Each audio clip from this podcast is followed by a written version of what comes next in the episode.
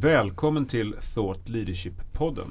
Jag som leder det här programmet heter Christian Helgesson och jag är VD för utbildningsföretaget Ny Teknik Education.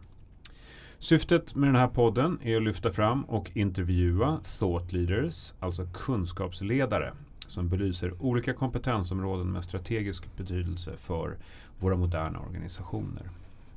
Och vårt mål är att försöka bidra till thought leadership i din värld. Alltså oavsett om det handlar om utvecklingen av dig själv som professionell individ eller utvecklingen av ditt team eller din organisation. I det här avsnittet så ska vi prata om något så spännande som penningtvätt. Eller snarare om hur man som företag eller organisation kan arbeta mer strukturerat för att dels förhindra och förebygga penningtvätt och dels hur man säkerställer att man följer de regelverk som finns på området. Ofta så kallas det här området för AML, vilket är en förkortning för Anti-Money Laundering. Flera omfattande penningtvättshärvor har skakat det svenska bankväsendet, bankväsendet ska det heta, och det svenska näringslivet under de senaste åren. Och skandaler har avlöst varandra och vi har sett avsatta bankledningar och polisanmälningar och dryga sanktioner som följd. Och det här är ju ett ämne som är intressant och spännande för många rent allmänt. Men det är såklart extra viktigt för företag och organisationer som står under myndigheternas tillsyn. Och som verksamhetsutövare inom bank och finans och spelbranschen eller andra liknande branscher så kräver lagstiftningen faktiskt att man tar ansvar i kampen mot penningtvätt och finansiering av terrorism. Och det här spännande ämnet ska vi diskutera med Kristina Eriksson som vi också kallar för Tina här idag för båda heter nämligen Kristina. Kristina Eriksson är expert inom det här området och eh, också inom området risk management och arbetar som vardags eh, som konsult och även en uppskattad kursledare. Och sen har vi Kristina Kalander som jobbar på AML, eh, förlåt, på Avanza med AML-frågor. Och det står en, en, en, komplex titel här men jag är inte helt säker på att den 100% stämmer. Men jag skulle tro det. Det står Legal Counsel AML. Chief Financial Crime Intelligence på Avanza. Det stämmer. Det stämmer. Mm. Ja, det är en riktigt, riktigt smaskig titel. Eh, och både Tina och Kristina eh, är också ledamöter i den styrgruppen som står bakom de frågor som bygger upp en examination som vi har tagit fram som heter AML-examination. Så, välkommen Tina och Kristina. Om vi, eh, superkul att ha er båda här. Eh, om vi börjar med Tina Eriksson för att göra lite skillnad på det här med namnen. Vem är du professionellt och hur jobbar du med de här frågorna? Just, hej Christian, jättekul att vara här. Jag heter då Kristina Eriksson och jag är en av grundarna av Riskace. Det är ett startupbolag som jobbar med riskbedömningar. Men Christian och jag har ju lärt känna varandra i och med att jag också är kursansvarig för en av kurserna inom eh, cybersäkerhet som eh, Ny Teknik Education har. Och sen så jobbar jag ju även med den här AML-examinationen som Christian nämnde. Mm. Jag har väl jobbat med penningtvättsregelverket sedan det var ganska ungt. 2009 så var vi på nummer tre av ett direktiv. Nu börjar vi närma oss nummer sex. Så att eh, det är ju några år. Mm. Härligt. Och Kristina mm. Kalander från Avanza. Vem är du? Ja, och superkul att ha dig här. Ja, men tack så mycket att jag fick komma. Jo, men jag jobbar ju då på Avanza som är en nätbank eh, och har eh, egentligen jobbar bara med penningtvättsfrågor. Eh, jag är också särskilt utsedd befattningshavare som man ju enligt regelverket på större aktörer ska utse för att ha koll på att man egentligen har alla processer och rutiner på plats. Eh, I annat fall så har jag då jobbat med, med eh, olika roller inom bank och finans och kredit. Egentligen hela mitt eh, arbetsliv och mycket med riskfrågor naturligtvis. Och det är ju det som AML handlar om väldigt mycket. Att eh, det är där riskbaserat kunna hantera de här frågorna. Mm. Superkul att ha två sådana eh, erfarna experter här tycker jag. Om vi börjar och nysta i det här ämnet. För att det är naturligtvis för, för vissa som arbetar med det här så är, så är det fullständiga självklarheter. Men för många av oss som inte arbetar med det här till vardags så är, så är det här lite, så här, lite spännande område och, och ganska liksom så här outforskat. Så att om man börjar lite övergripande för oss som, som kanske inte arbetar varje dag med det och vill få lite guidning om det här området. Så vad omfattas egentligen inom penningtvätts eller AML och CTF-området? CTF står väl för Counter Terrorism financing eller någonting åt det hållet va? Stämmer. Ja, alltså vilken lagstiftning exempelvis pratar vi om här? Ja, om vi tittar på vilken lagstiftning i Sverige då främst så har vi ju två lagar framför allt. Eh, dels är det ju då eh, lagen om åtgärder mot penningtvätt och finansiering av terrorism. Och den här lagen den syftar ju till då att eh, eh egentligen förhindra att företag utnyttjas av då penning, eller för penningtvätt och terroristfinansiering. Och den här lagen reglerar då hur man administrativt ska kunna hantera de här frågorna som verksamhetsutövare. Mm. Men sen finns det ju även då en, en eh, straffrättslig del i det här. Eh, så det är en lag som reglerar att penningtvätt och terroristfinansiering är brottsligt. Eh, för det måste man ju också ha kunna, för att kunna döma personer som begår de här brotten. Just det. Och visst är det så också att eh, de här lagarna de eh, omfattar både penningtvätt och terroristfinansiering? Ja precis, det stämmer. Sen okay. finns det faktiskt eh, även straffrättsligt en särskild lag som heter straff för finansiering av särskilt allvarlig brottslighet i vissa fall. Som, som ju då träffar terroristfinansieringen. Okay. Just det. Mm. Okay. Och vad är det om man tittar också återigen, vi håller oss lite övergripande här i början. Vad, vad är det för huvudsakliga utmaningar och frågeställningar som liksom är viktiga inom det här området? Kan man titta på regelverksområdet i stort och det är ju mycket det som penningtvätt handlar om om man liksom är aktör, med andra ord en av de branscherna som om, omfattas. Då tycker jag en av svårigheterna är att eh, klara av sin utveckling, sin affärsmässiga utveckling. Du vill ju hålla dig längst fram bland konkurrenterna. Du behöver göra bra grejer för kunderna. Och samtidigt så har du ganska administrativt tunga regelverk att förhålla dig till. Så att takta liksom regelverksefterlevnad med utvecklingstakten det är väl generellt sett någonting som är svårt eller en utmaning på på eh, det här området. Mm. Men annars så tycker jag en av de stora utjäm, eh, utmaningarna det är att hålla jämn, jämn takt med buset. Mm. De har ju en helt annat driv i sin liksom, affärs, vad ska jag säga, affärsidé. Mm. Eh, och det är ju att leta där det är som mest lönsamt. Att eh, begå brott eller att skapa nätverk eller vad det nu handlar om som de har som huvudsyfte. Mm. Så det är väl de två grejerna som jag tycker är mm. knepiga. Liksom. Just det. Och det har ju skett en förflyttning inom det här området. För från början då jobbade man mer reaktivt med övervakning. Eh, kanske bara. Nu försöker man ju jobba så proaktivt som möjligt. Det. Och det handlar ju här inte bara om att upptäcka penningtvätt. Det handlar ju faktiskt också om att förhindra. Mm. Just det. Eh, om man tittar på branscher då? Vilka branscher är det som är berörda, som arbetar aktivt med de här frågorna? Här har du ju både finansiella företag och vissa icke-finansiella företag. Till exempel har du ju fastighetsmäklare, du har olika spelbolag, vissa typer av handel eh, med mm. eh, kontanthandel med för visst, upp till visst belopp som omfattas. Så det är ju en, en hel del olika aktörer faktiskt som omfattas av det här regelverket. Mm. Mm. Men frågan är störst inom bankfinansområdet eller? Störst tycker jag är svårt att säga men de har, bank och finans har hållit på längst. Okay. Så jag kan väl tycka att det är man liksom, eh, säger man vilka är ledande på området och har tagit fram mycket av standarden. Mm. Då ligger det inom bank och finans. Okay. Men jag menar vi hade ju ett case alldeles nyligen med Leo Vegas. Eh, där ju de fick en ganska rejäl sanktion. Eh, där vart det ju, så frågan är stor även i spelbranschen till exempel. Just mm.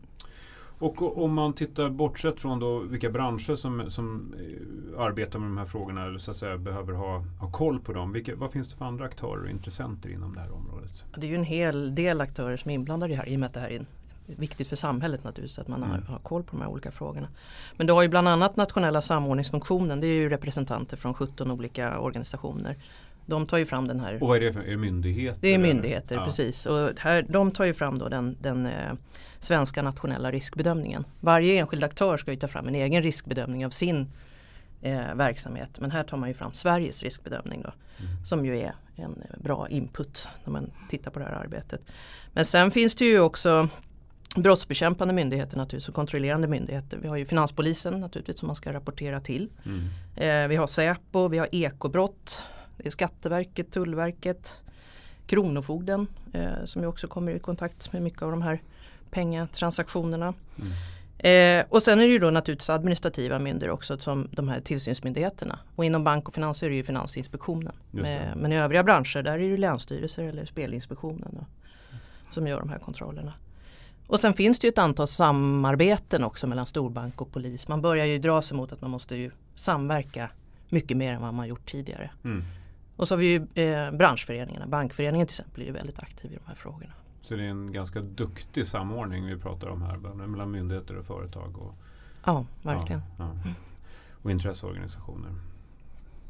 Eh, jag tror att det är många som, eh, inte minst jag, men säkert andra också, som inte arbetar till vardags inom AML-området som är rätt nyfikna. Hur, hur ser det typiska förfarandet ut? Tina brukar prata modus.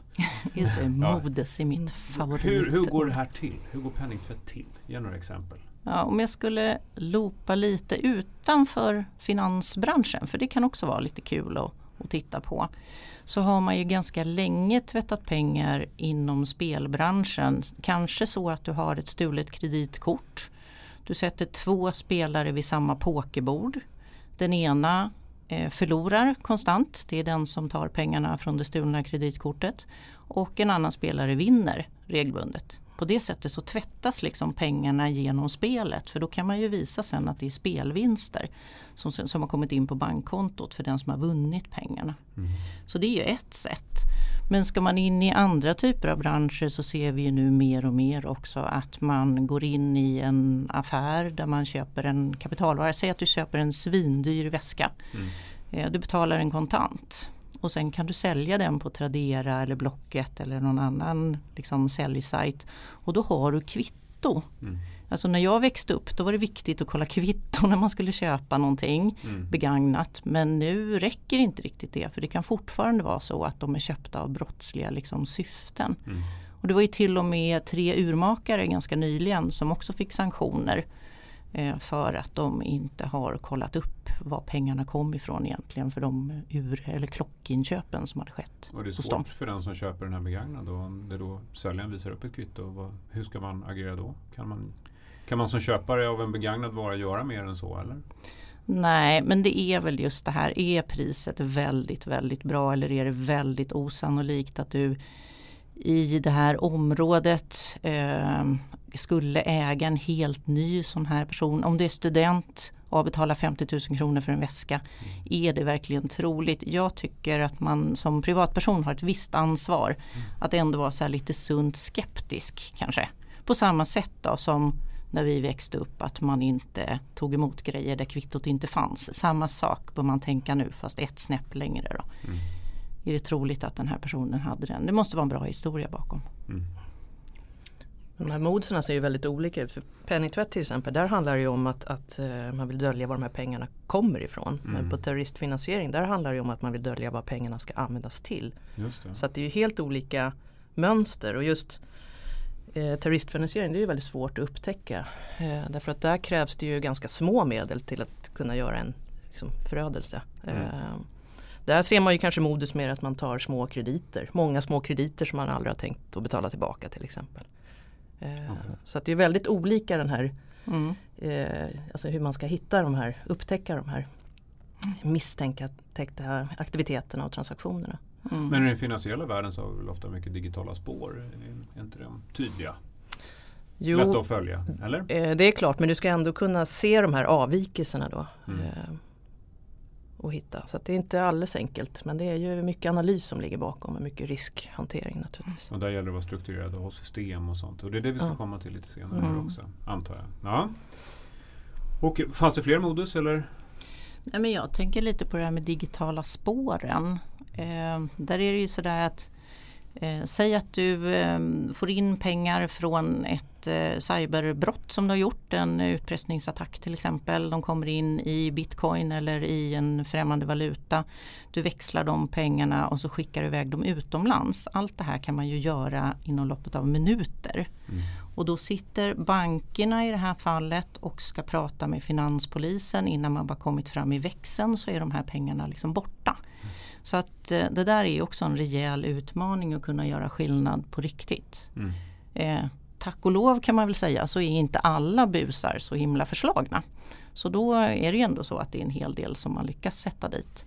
Mm. Men eh, de här som verkligen vet vad det handlar om, där är det ju oerhört svårt. Och det känns lite som att man hela tiden hasar dem i bakhasorna liksom och ligger steget efter. Mm.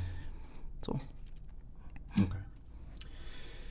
Vad, om man tittar på AML-området eller penningtvättsområdet. Vad är, vad är den senaste utvecklingen i det här området? Vad, vad är de spännande trenderna och rörelserna som ni ser? Alltså finns det några nya regleringar eller någon ny lagstiftning eller nya tillvägagångssätt eller, eller något annat? Vad är, vad är, vad är trenderna? Men först och främst om jag bara ska prata det här med samverkan. För det är ju som sagt eh, det är ju så att man kan ju inte dela information hur som helst. Nuvarande lagstiftning eh, begränsar ju oss mm. verksamhetsutövare att dela information. Vi har ju viss tystnadsplikt och så. Så att här börjar det öppna upp att man ska samverka på ett helt annat sätt. För att kunna följa de här transaktionerna.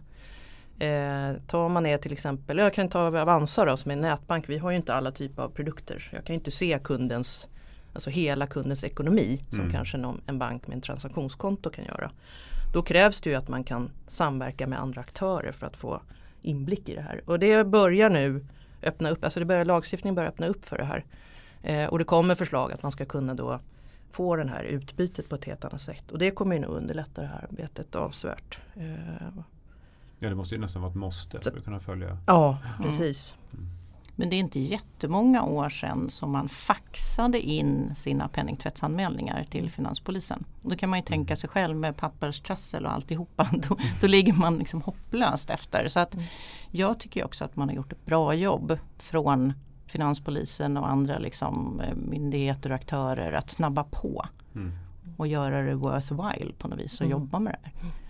Precis. Och sen kan man ju också se då att, att eh, just, alltså, ju bättre de stora bankerna blir på att hantera de här frågorna då kommer ju buset att vända sig till andra aktörer för att kunna mm. tvätta de här pengarna eller ja, vad man ska hålla på med.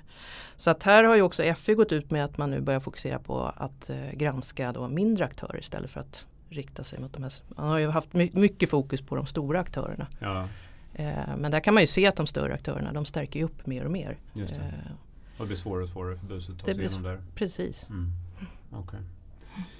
Hörrni, eh, om man tittar på, på en aggregerad nivå. Eh, vad är de stora utmaningarna och problemen som ni ser idag med våra moderna bolag eller företagen och organisationernas sätt att arbeta med penningtvättsfrågor? Om man tittar som sagt på en övergripande nivå. Vad, vad är de stora problemen idag?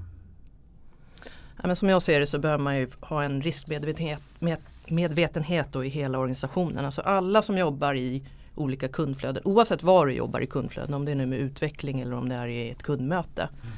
Så måste du ha med den här liksom, riskförståelsen tror jag. Och det går inte att, att det sitter en liten AML-avdelning på, sidan om då och gör olika eh, liksom, ja, skapa modeller eller vad det nu kan vara. Utan alla måste vara med i det här arbetet i olika grad då naturligtvis. Så mm. det är en förutsättning tror jag. Eh, så det här är liksom, det går inte heller liksom att ta det här regelverket och nu gör vi ticken i boxen här att vi har fixat de här paragraferna utan det här måste vara en integrerad del i hela kundflödet. Mm. Eh, och sen också att du, du måste gå åt att du skapar liksom automatiska kontroller. Därför att du kan inte sitta manuellt och göra alla de här granskningarna. Mm. Eh, därför att det kommer du inte hinna med och då jobbar du heller inte riskbaserat så som lagstiftningen kräver. Mm. Okay. Mm, och så ska man ha de här kundprocesserna och allting ska liksom sitta ihop och då kan man ju tänka lite grann. Vi har ju väldigt gamla banksystem hos några av de stora aktörerna.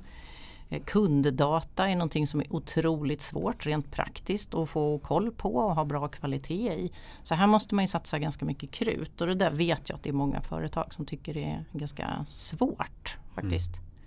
Men liksom regelverket bygger ju på fyra grundstenar. Den första är ju liksom risk, risk, att man ska göra en riskanalys eller en riskbedömning på varje aktör. Och sen ska den då på något vis genomsyra vad du har för rutiner mot dina kunder. Och det är därför som vi allihopa får svara på de här kundkännedomsfrågorna. Mm. Det är ganska långa frågeformulär som man får eh, varje gång som man ska teckna en produkt eller så. Och det där kommer ju då komma mer och mer även i de andra branscherna som man märker. Ska du köpa en dyr väska så kanske du också behöver svara på motsvarande liksom, frågor. Mm. Sen använder man hela det här arbetet och allting som man kan om kunden eh, in i det som vi kallar transaktionsmonitorering där du tittar på avvikande beteenden. Och allting som är avvikande i förhållande till vad man vet om kunden. För jag menar du och jag kan ju ha helt olika avvikande beteenden. Mm.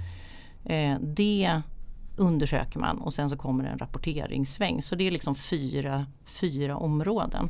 Men en följdfråga där på avvikande beteenden. Kollar man i förhållande till hur den här kunden har betett sig tidigare eller på en aggregerad nivå hur kunder brukar bete sig? Ja, här, här är vi ju verkligen inne på lite känslig, känslig mark med tanke på att vi vill ju inte tala om riktigt för buset mm. eh, hur vi jobbar så att jag tror att jag väljer att avstå lite från den frågan. Okay. Spännande! Det blev lite nerv här nu. Ja, eller hur? ja. Härligt, Nej, men det är bra. Det är bra. Eh, eh, jo, men hur blir vi då mer strukturerade i vårt arbete med att förebygga penningtvätt i våra företag och organisationer? Alltså är det viktigt att medvetenheten om den här penningtvättproblematiken genomsyrar företaget på alla nivåer? Det, det pratade du i och för sig, Kristina Kalander, precis nyss om. Men vad är det som gör att det är viktigt och hur kan vi bli mer strukturerade i vårt arbete? Jag tror att du har helt rätt där Christian. Att det, alla måste vara på tårna och alla måste förstå. Från den personen som möter en kund eh, och jobbar med mera eh, vad ska jag säga, administrativa eller kundorienterande arbetsuppgifter till ledning och styrelse.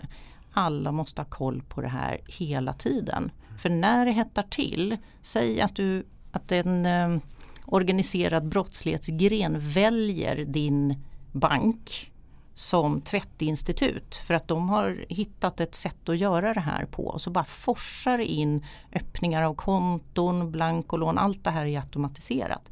Då behöver du bara kunna stänga möjligheten för dem. Och fatta det beslutet, det ska göras ganska högst, högt upp. Då kan du inte börja med att försöka förklara vad det här handlar om. Utan alla måste vara på tårna med en gång. Så att jag tror att det är superviktigt det här med medvetenheten i hela organisationen. Mm. Men sen är det ju ganska coolt att eh, regelverket är riskbaserat. Tycker jag. Det ger ett företag att på något vis fatta professionella beslut. Det är en bedömningssport var man ska sätta in krutet någonstans. Mm. Där du med andra ord tror att risken för penningtvätt är som högst. Eh, och det gör att det här är ganska unikt tycker jag, det här regelverket. Precis, för det, är, det är verkligen en utmaning där att inte göra exakt likadant på alla kunder. Då jobbar mm. du inte riskbaserat. Nej. Utan du ska ju hitta det här och det är ju oftast ett Egentligen utifrån din riskbedömning då i din verksamhet så ska du ju hitta det där lilla flödet egentligen där avvikelserna finns. Mm. Och där ska du lägga krutet. Och det där är ju en, en utmaning att få till men det är ju inte omöjligt. Eh, men då krävs det ju ett, ett kontinuerligt riskarbete mm. naturligtvis. Och att man då, alltså sådana här riskbedömningar, det går inte bara att göra en gång eller årlig uppdatering. Det är någonting man måste jobba med dagligen. Ja. Mm. Ja, så du måste ju få in ett sätt där du gör det där ganska snabbt, mm. effektivt och fort. Och att folk mm. tycker det är lite kul. Mm. Det är liksom mm. det. Mm. Hur får man dem att tycka att det är kul då? Vad, vad, vad, är det ni tycker är spännande i det här? Är det risk eh, eller analysen eller vad, vad? Jag, jag går ju igång på att ge busen ett match. Ja. Jag är ju mycket mer idealist så. Jag blir ju förbannad när jag tror att jag har tagit exakt samma exempel när jag pratar om cybersäkerhet. Men jag blir förbannad när organiserad brottslighet säljer knark utanför mina ungars mm. eh, högstadieskola. Mm. Och de, de, vi bor inte i något särskilt område, det är så här det ser ut överallt. Mm. Eh, att försvåra för dem eller mm. försvåra för dem som förlamar företag med med eh, utpressningsattacker. Mm. Så att de åtminstone inte kan tvätta pengarna sen efteråt. Utan då ska de inte kunna använda pengarna. Det är ju faktiskt ganska roligt. En liten kuriosa är ju så här om ni kommer ihåg helikopterrånet mm. som var. Det var ju ett säkerhetsbolag som blev rånat via helikopter och väldigt mycket. Ja, ja exakt. Mm. De pengarna om jag minns rätt har man inte helt och hållet hittat och jag har mm. för mig att vi har haft ett sedelbyte sedan dess. Mm. Så vad gör man nu då? Man tar sitt brottsbyte och skickar det till Riksbanken och säger jag skulle vilja ha nya sedlar. Det går inte. Mm. Och då är det en liten seger för oss som jobbar mot penningtvätt i alla fall. Mm. Kan jag tycka. Och sagt det här kostar ju samhället enorma summor pengar. Ja. Eh, så att det här är ju det här samhällsintresset tror jag är mycket drivande också i det här arbetet faktiskt. Men sen är det ju en skärm med att skapa de här effektiva kundprocesserna, liksom att få till det här. För att det handlar inte bara som sagt om att man ska få till det här regelverket. Det här är ju skapa en, en eh, bra kundupplevelse, skapa mm. en, en, eh, en, väldigt lönsam affär. Mm. Eh, så att vi har ju flera olika perspektiv egentligen när du jobbar med de här delarna. Det är inte bara Du har ett regelverksperspektiv som också ju har hållbarhetsfrågor i sig. Mm. Men sen har du också den här kundupplevelsen. Du kanske inte vill ställa en miljon frågor till varje kund.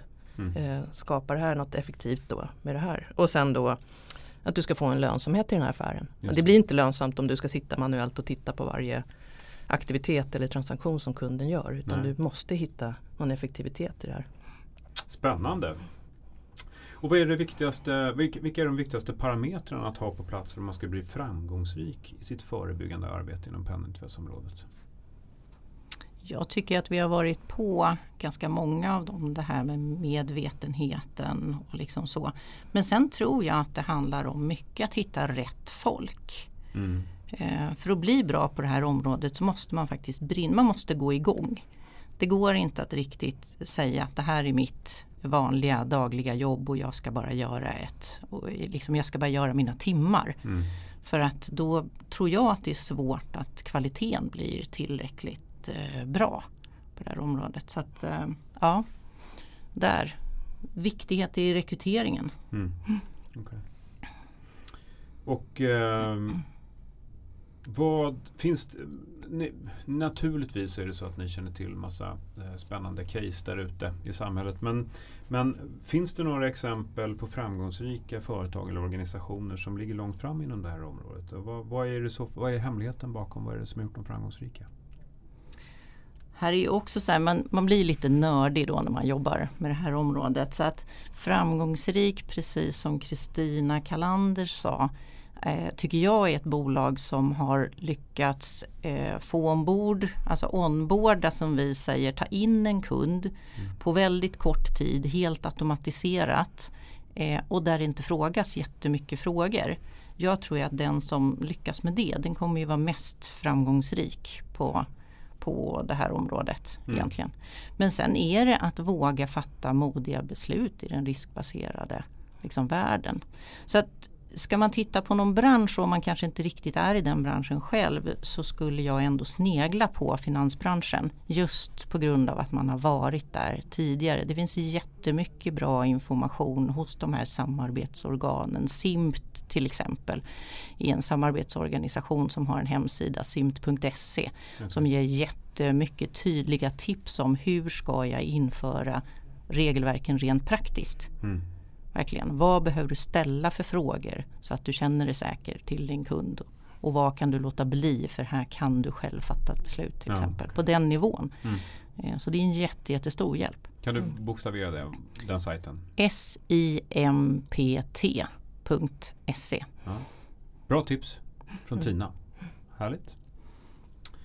Eh, avslutningsvis, era topp tre tips. Vi har ju pratat rätt mycket redan om liksom vad, vad framgångsfaktorer och så är. Men, men eh, sammanfattningsvis då. Vad skulle ni säga är era topp tre tips för att bli framgångsrika eller lyckosamma inom det här området? Ja, men som jag egentligen har sagt då redan, det är dels det här med att utveckla snabba och effektiva kundprocesser med Mm. de här olika perspektiven. Alltså kundupplevelse, regelefterlevnad, hållbarhet eh, och affärsmässighet. Och fri, fri, frikoppla inte dem från varandra utan ha med de här tre perspektiven när man skapar de här kundflödena.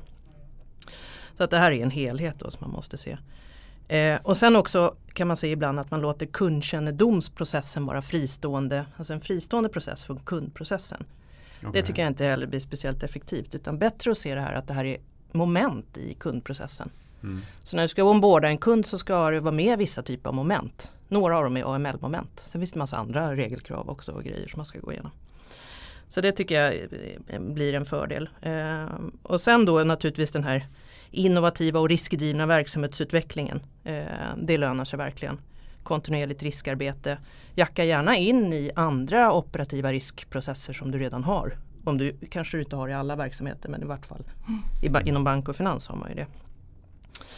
Och jobba löpande med den här riskhanteringen och snabbfotad när det gäller att kalibrera och validera modeller egentligen. Så att du får en ny input. Var där och skruva i de här modellerna så att du får ett bättre utfall. Och sen slutligen då det som, som Tina ju nämnde det här med, med kvalitet på data. Det är ju en förutsättning. Det. Det finns massor med coola verktyg, analysverktyg men har du dålig kvalitet på kunddatan då får du ju ett dåligt utfall ändå. Mm. Så att där måste man lägga rätt mycket krut faktiskt. Mm. Härligt. Och Tina? Ja, jag pratar ju hela tiden omvärldsbevakning. Det är Ja, ju min Det är din eh, grej. Ja, det är min grej. Och det är ju lite det som Kristina sa där om man ska skruva i sina modeller och så. Då gör man ju det baserat på omvärldsbevakningen. Så använd, alltså tips nummer ett är omvärldsbevaka. Mm. Läs grejer, följ hashtaggar på LinkedIn eller eh, håll lite koll på vad tillsynsmyndigheterna gör och så. Sen ska man använda sig av den här informationen. Och för mig så är ju den tydligast egentligen i att den kommer in i riskbedömningen. Så den är en input som gör att du kan göra någonting nytt nästa år kanske eller när du behöver göra en riskbedömning. Och sen det tredje tycker jag är samverkan.